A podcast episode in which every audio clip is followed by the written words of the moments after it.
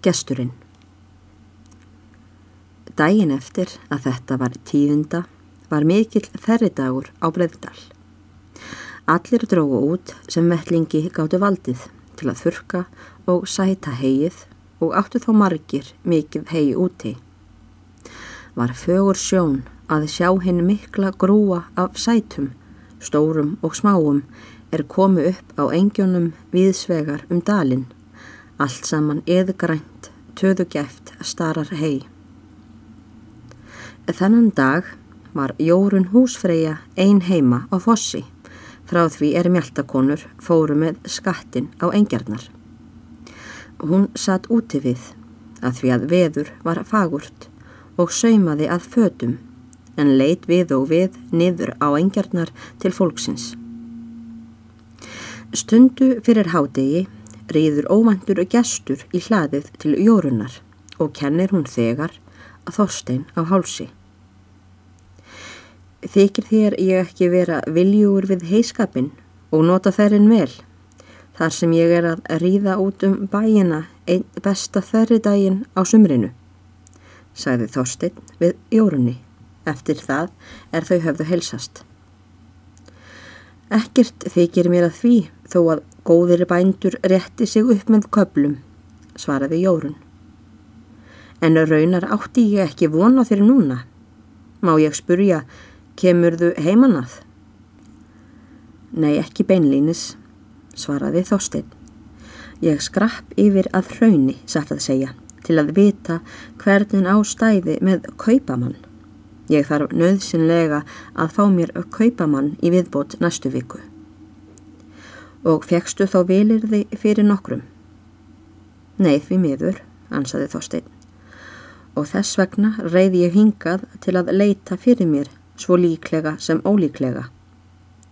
Ég er nú farin að sjá eftir því að ég tók ekki mann sem böðist á túnaslættinum, en grasið er alltaf að spretta. Ekki vænti ég að þið munduð nú geta mist mann eina veku.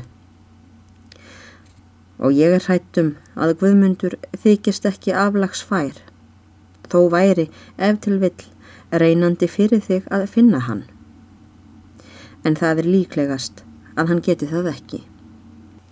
Hvaðmundur mun vera á engjum? spurði Þorstein. Já, segir Jórun. Hann fór með fólkinu í morgun. Síðan bætir hún við. En þú mátti nú ekki rjúka burt undir eins Þorstein, þá einu sinni þú kemur. Það er svo langt síðan að þú hefur komið hér og maður fær allt og sjaldan að sjá þig. Ég þakka þér gott bóð svaraði Þorstein. En ekki ætti ég að standa lengi við. Því ef Guðmundur skildi ekki geta hjálpað mér, þá ætla ég að skreppa fram á sveitina til að leita fyrir mér. Því ef þið getið ekki hjálpað, þá geta ekki aðrir það hér á dalnum. Síðan ganga þau bæði til stofu og setjast sitt korum megin við borðið, er stóð þar undir glugganum. Er nú ekkert að fretta hjá þér þorstinn minn? spurði Jórun. Ekkert það ég man, svaraði Þorstein. Það mun almennt meg að kalla grasvöxtin góðan, þó ég haldi reyndar að hann sé hverki betri í þetta sinn en hérna á dalnum hjá okkur. Já, en hverjum er það að þakka, valdi Jórun, nema þér sem hefur kent okkur að bæta engjarnar og auka grasvöxtin að svo miklum mun. Það má segja að áinn geri okkur gott gagn, sagði Þorstein. En sama gagn hefði hún getað verið búin að gera fyrir löngu. Já, það má nú segja, ansaði Jórun. Maður heldur sér til skaða og skammar fast við marga óvinnjuna, eins og þú hefur sagt svo oft. Og aldrei hefði bændurnir hérna tekið sig fram um það ef þú hefðir ekki verið. Þú átt nú líka góðan hluta því að maðurinn þinn gekk í félagið, mælti Þorstein til að endurgelda jórunni í sömu mynd. Varðla var það nú mikið, hvað jórun og hóstaði við. Eftir litla málkvild tók Þorstein aftur til orða. Það vænti ég fjenaðurinn hafi gert bæralegt gagn hérna hjá ykkur raunbúnum í sumar eins og vant er. Jú, alls gott, svaraði Jórun. Þó held ég það hefði nú mátt vera betra hjá okkur ef smalin hefði verið vanur. Þeim hættir við að hnappsitja þessum viðmanningagregjum eins og reyndar er nokkur vorkun. Nú, mælti Þorstein og syndist hugsa sig um. Hver er smali hjá ykkur í sumar? En hann aðalsteinn okkar, svaraði Jórun og leið til Þorsteins með mjög einkennilegu brosi. Á hvernin spyr ég, það er öldungis rétt, svaraði Þorstein. Nú það var vel á minnst, hvernin kemur hann sér sá litli? Nú svona, malti Jórun. Þetta er eins og annar unglingur, hann gerir eins og honum er sagt og hann er ekki svörull krakkagreið, það má hann eiga.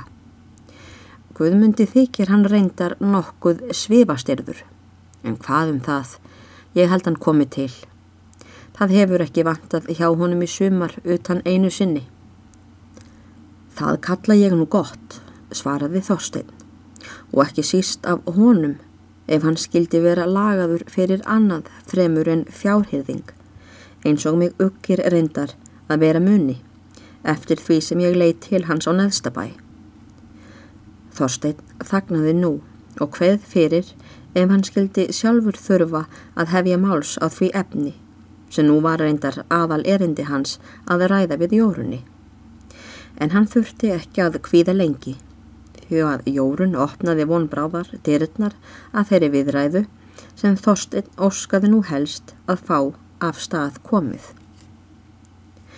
Við höfum ekki haft færi á að aðtuga það fyrr sem þó var eitt einkennilegt við jórunni á fossi og það var að hún tók í nefið sem aðrir góðir menn. Þó hafði hún aldrei annað tópaksílát svo menn sægi en gamlan pung sem hún ímist bar í pilsfassa sínum eða í barminum. Hún síndist fara mjög vanalega að því að gera nefsitt hlutakandi í ilmi þessarar freistandi júrtar. Þegar hér var komið samtalinu millir þeirra jórunar og gestsennar, tók hún fram tóbakspungin sem í þetta skipti hafði aðsettur sitt í barmi hennar. Tekur að nutta hann hægt á milli handa sér um leið og hún segir brosandi við Þorstein. Þú hefur heyrt Þorstein hvað kom fyrir á neðstabæ í sumar, einn sunnudag sem við lofuðum honum steina að skreppa ofan eftir. Ég veit ekki, svaraði Þorstein. Hvað áttu við, Jórun mín? Það var nokkuð skrítið, mælti Jórun. Ef þú hefur ekki heyrt það fyrr, þá verður þú vist hissa þegar þú heyrir það. Nú, segir Þorstein brosandi. Þú gerir mig forbitinn. Það er fróðulegt að heyra hvað það hefur verið. Já, svarar Jórun. Það var kvorki meira en í minna en það að það á að hafa fundist bref eftir önnu sálugu móður aðalsteins. Læst bref til biskupsfrúarinnar í skálholti. Og hvað viltu hafa það meira? Sigurbjörg vill fyrir hvern mun láta drengin fara sjálfan með þetta bref vestur að skálholti nú í haust. Hvernin líst þér á Þorstein, segir Jórun og jafn skjótt tekur hún sér rösklega í nefið. Ég get ekki neyta því, svarar Þorstein, að ég hef heyrt ávæni af þessu brefi að skálholti, en það fylgdi sögunni til mín að hinn dána hefði sjálf óskað að sónur hennar mætti fara með brefið. Og segi, segi, segir Jórun og hristir höfuðið. Þetta er úr Sigurbjörgu og engum öðrum. Þess utan, þó hinn dána hefði aldrei nefnað óska þess, þá er það nokkuð sem maður getur ekki verið að skipta sér af. Maður er ekki skildugur til þess, eða hvað sínist þér. Ég má fullir það við þig, Jórun mín, að þetta er ekki sprottið frá Sigurbjörgu, segir Þorstein gáðu að. Anna heitin hafði verið vinnukona í skálholti Eða meira að segja, hún mátti heita uppeldistóttir frúarinnar og því gatt óskin verið öldungis náttúrleg frá hennar hálfu þar sem hún vitanlega var góðkunnug frúni og hefur viljað láta hann að sjá þetta eina barn sem hún átti á lífi. En hver getur farið eftir þessu nú, segir Jórun. Hver getur ætlast til af okkur að við förum að senda drengin nú í haustvestur að skálholti? Nei, ég ber það ekki við. Sigurbjörg mín skal verða einhverju öðru fegin en því að hún komi þessu til leiðar, sagði Jórun og var alvarleg á svipinn.